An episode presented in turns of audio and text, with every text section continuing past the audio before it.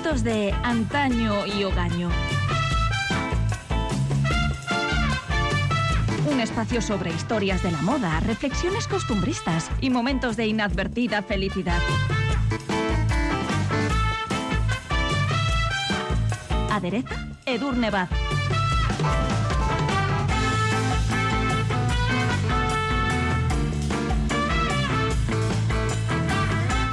Se cumplen 55 años exactos de la considerada mejor fiesta de la historia, la que el 28 de noviembre de 1966 organizó el escritor Truman Capote en el Gran Salón de Baile del Hotel Plaza de Nueva York. Estrellas de Hollywood, aristócratas, intelectuales, artistas, modelos y diseñadores se dieron cita en una velada que imponía dos únicas condiciones a sus invitados. A los caballeros vestir smoking negro y máscara negra. A las señoras llevar vestido largo, negro o blanco, máscara blanca y abanico. Edurne Baz, ¿qué tal estás? Hola, muy bien. Bueno, eh, vamos a hablar de la fiesta del siglo y nosotras con estos pelos encrespados por la humedad. Sí, pero tampoco he visto nuestros nombres en esa exclusiva lista de invitados, así que poco nos va a importar. Y a pesar de ello, siquiera como reporteras infiltradas, hoy en Asuntos de Antaño y Hogaño revivimos el legendario y fastuoso Black and White Ball, la madre de todas las fiestas, el acontecimiento social que los periódicos de Nueva York definieron indistintamente como la fiesta del año, la fiesta de la década y la fiesta del siglo. Un evento de épicas dimensiones con el que un por entonces algo atormentado Truman Capote intentaba acallar las insistentes voces de sus fantasmas interiores.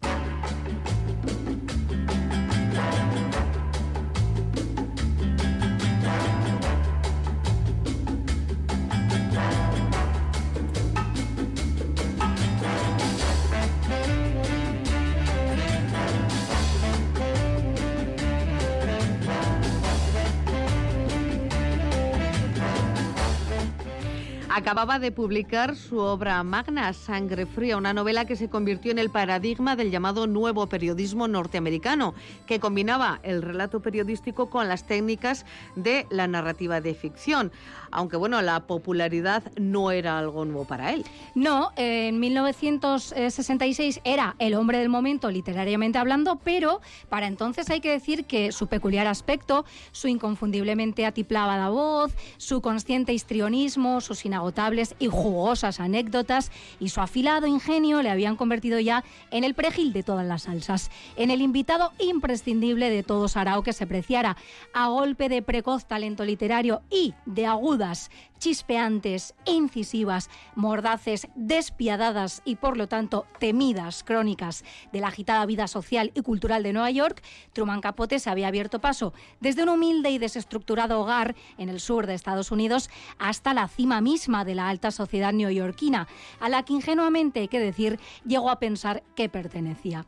Cuando sea rico y famoso, voy a dar una fiesta para la gente rica y famosa de verdad, afirmó en una ocasión. Y en efecto, en el apogeo de su éxito y con los millonarios beneficios económicos que le estaba reportando a sangre fría, derechos cinematográficos incluidos, decidió trascender la condición de invitado de honor para convertirse en el mejor anfitrión imaginable. Organizaría la más majestuosa épica y memorable fiesta que estuviera en su mano organizar. Y él mismo afirmó más tarde, probablemente exagerando como solía, que había invertido en ello más de 155 mil dólares. Su privilegiado acceso a los círculos aristocráticos, artísticos e intelectuales de Nueva York le permitía ser todo lo ambicioso que quisiera con la lista de invitados. Bueno, tal es así que ser o no ser invitado a la gran fiesta que estaba organizando Truman Capote se convirtió en aquel momento en un baremo incontestable sobre la posición de cada cual en el seno de la élite social. En otras palabras, si a primeros de octubre no habías recibido tu invitación,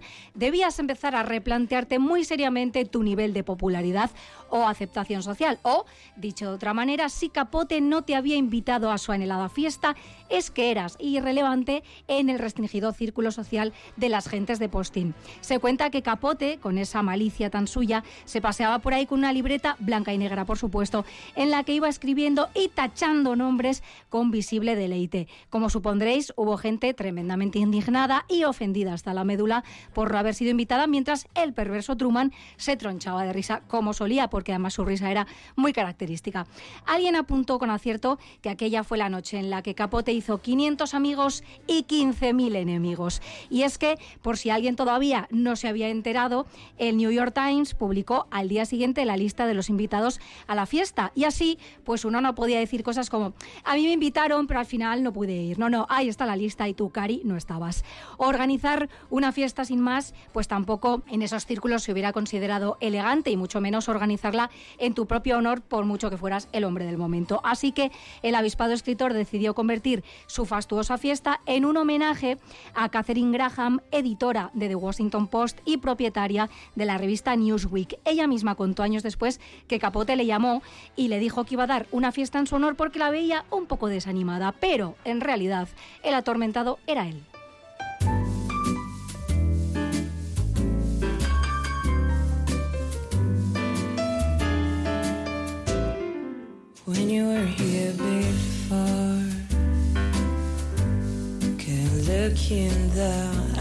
A sangre fría, un acertado retrato de la América profunda y de las consecuencias de la pobreza, un hogar desestructurado, el abandono o los abusos pueden tener en el individuo se convirtió en un hito tanto de la literatura como del periodismo, además de la obra más aplaudida de Truman Capote. Fue una novela de no ficción, así la definió él, que sentó, como adelantábamos, las bases del nuevo periodismo estadounidense en el que destacaron nombres como el del pionero argentino Rodolfo Walsh, Tom Wolfe, Norman Mailer, Joan Didion o Gaitalese, entre otros. Pero esta obra, que se publicó por entregas en The New Yorker antes de convertirse en ese exitoso libro que se publicó en 1966, acabó provocando cambios mucho más profundos, porque cambió a Truman Capote para siempre. Afectó a un nivel muy profundo.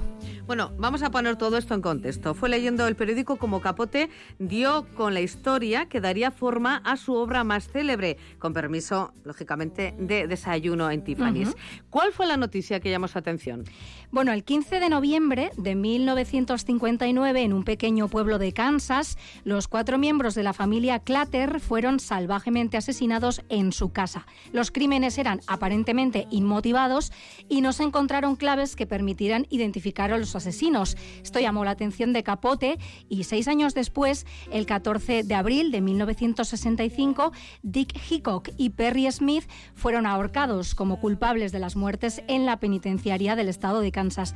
Pues durante todo ese tiempo, durante todos esos seis años, Truman Capote estuvo investigando, conociendo de primera mano la vida en aquel pequeño pueblo, manteniendo conversaciones con sus habitantes, esbozando un minucioso retrato de las víctimas y también de los asesinos con los que se entrevistó en la cárcel. Y lo que ocurrió fue que acabó estrechando lazos con uno de los asesinos, con Perry Smith. Solo el propio escritor podría confirmarnos si se enamoró de él o se trató únicamente de una morbosa fascinación. Lo que sí es fácil intuir, conociendo el pasado de Capote, es que se identificaba por propia experiencia con la infancia de soledad, abandono y desamparo de Perry y que se reconocía en su dolor por un padre ausente y por el alcoholismo y temprano suicidio de su madre. Todo eso lo compartían, pero al tiempo que albergaba fuertes sentimientos por Smith, se descubría deseando que tras varias apelaciones los dos condenados fueran ejecutados para poder poner fin de una vez por todas al libro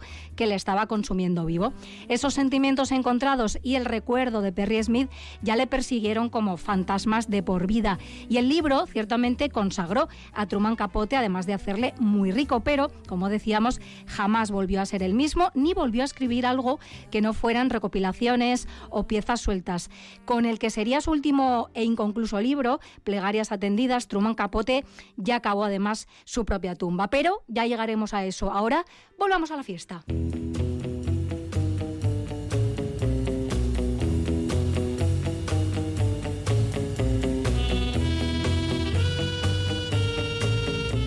Truman Capote necesitaba, como vemos, eh, animarse, distraer la mente, mantener vivo el interés por su libro y, de paso, dar buen uso a sus saneadas finanzas. Sin duda, tenía ganas de resetear después de una dolorosa travesía de seis años chapoteando en los truculentos detalles que acabarían dando forma a su obra A Sangre Fría.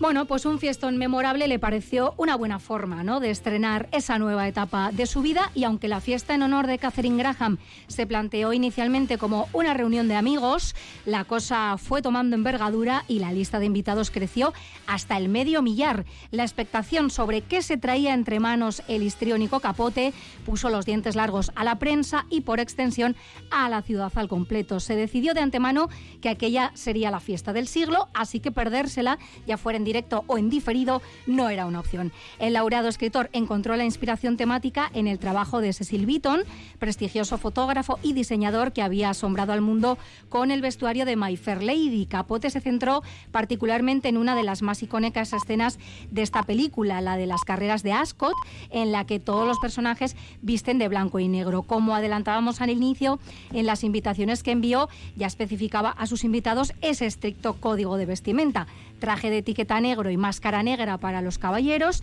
y traje de noche blanco o negro con máscara blanca y abanico para las señoras. Vamos, que el impacto visual estaba garantizado. Completamente y además no escapó a la multitud de fotógrafos, cámaras de televisión, columnistas de sociedad y por supuesto infinidad de curiosos que se acercaron hasta el Hotel Plaza de Nueva York ese día, al contrario de lo habitual que hubiera sido cenar y después bailar, en la fiesta de Capote las cosas fueron algo distintas. Se bailó, se fumó, se bebió y se interactuó todo lo que se estimó oportuno y solo entonces se sirvió la cena pasada ya la medianoche en unas mesas redondas decoradas con manteles rojos y candelabros dorados. Fue el momento además en el que los invitados obtuvieron la autorización para prescindir de sus máscaras. Pero atención porque el menú no estuvo compuesto por los caros y refinados bocados gourmet que cabría esperar, sino que al provocador maestro de ceremonias se le ocurrió servir espaguetis con albóndigas, huevos revueltos, salchichas, galletas, pasteles y pollo. Propuestas que además parece ser que dieron bastante sed a los invitados porque se descorcharon en total 450 botellas de champán.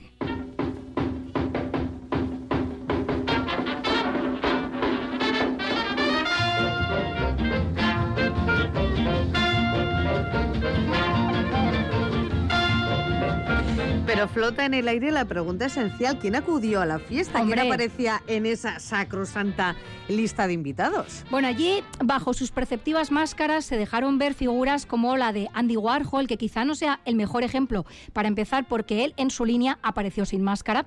Si las llevaban, por ejemplo, el entonces matrimonio formado por Mia Farrow y Frank Sinatra, actrices como Marlene Dietrich o Lauren Bacall, actores como Henry Fonda, cantantes como Sammy Davis Jr., el dramaturgo Tennessee Williams, escritores como Norman Mailer o Harper Lee, gran amiga, por cierto, de Y estrecha colaboradora en su reciente trabajo de campo ahí en Kansas.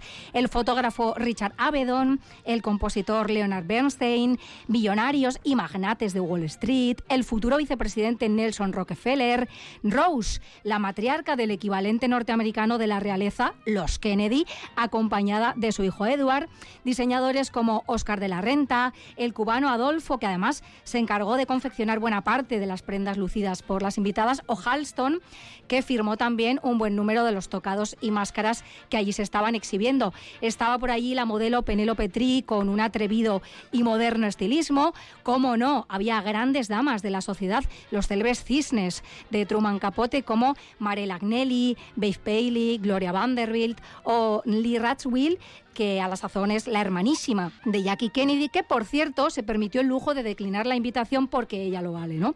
Y la fiesta fue inaugurada por los mismísimos Marajá y Maharani de Jaipur, que por cierto no respetaron el código de vestimenta, aunque por supuesto nadie les afeó la conducta, faltaría más. A este variopinto grupo se sumaron también 11 personas que llegaron desde la pequeña localidad de Garden City en Kansas y que habían ayudado al escritor en su investigación para Sangre Fría. También tiene interés hablar de las ausencias más allá de la ya mencionada Jackie Kennedy o los duques de Windsor. Sí, podríamos destacar en particular una muy sonada, la ausencia de Audrey Hepburn, cuya elección para interpretar en la gran pantalla a la Holly Golightly de Desayuno con Diamantes disgustó a Capote porque él quería que el papel lo interpretara Marilyn Monroe. Así que amigos, lo que se dice amigos, no eran y Audrey no estuvo en esa fiesta. Respecto a lo ecléctico de sus invitados, el propio escritor declaró a la revista GQ, he observado a lo largo largo de mi vida que todos los estamentos sociales se relacionan con sus iguales. A la gente rica le gustan otros ricos. Los miembros de la YET buscan la compañía de otras socialites. Los escritores a otros escritores. Los artistas a artistas. Pensé que sería interesante juntar a un montón de gente disparatada y ver qué sucedía. Una idea que una década después volvería a reivindicar muy conscientemente bajo el apelativo de ensalada Steve Rubel en su estudio 54, en cuya pista, por cierto, solía darlo todo, ya muy desfasado el propio Capote. Sabemos que aquella inolvidable velada empezó en torno a las diez y media de la noche y dicen que acabó sobre las tres y media de la madrugada, pero también circula por ahí una leyenda que no me resisto a compartir. Se cuenta que uno de los invitados acudió tres días después, con el mismo traje y la máscara, a un programa de televisión. Si fue directo o le dio tiempo a pasar por la tintorería, queda ya a la interpretación de cada cual. Pero la idea es demasiado genial como para no contemplarla.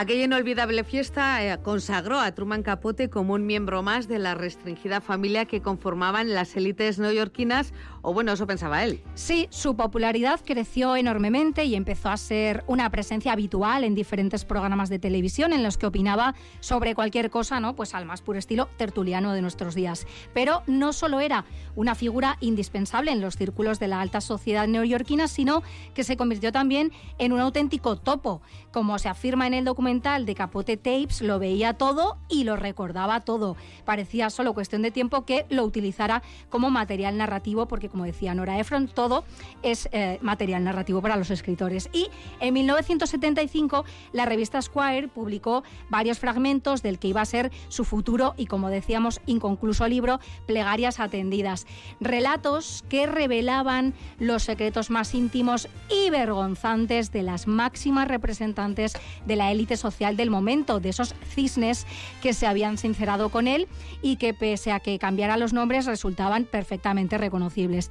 Él pensó que su labor como escritor era narrar lo que veía y que, bueno, sus traicionadas amigas lo entenderían, pero se equivocaba.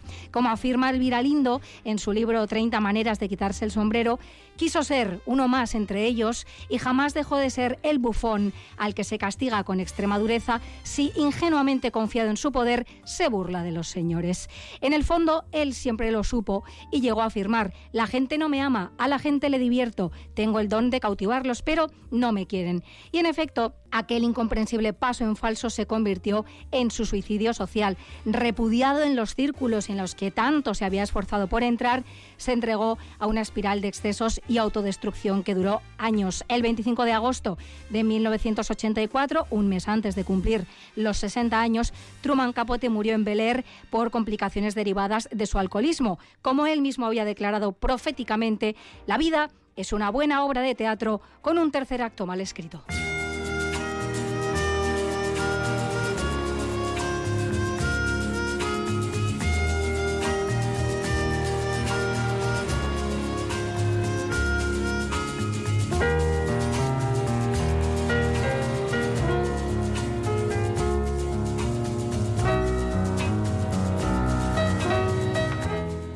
Baile en blanco y negro de Truman Capote se intentando emular sin éxito en un gran número de ocasiones. Por citar algunos de los ejemplos más relevantes, lo intentó la princesa Yasmin Aga Khan en 1991, también en Nueva York, para celebrar precisamente el 25 aniversario de la fiesta ofrecida por Capote. No fue lo mismo, claro, pero al menos se recaudó casi un millón y medio de dólares para la lucha contra el Alzheimer, o sea que bien.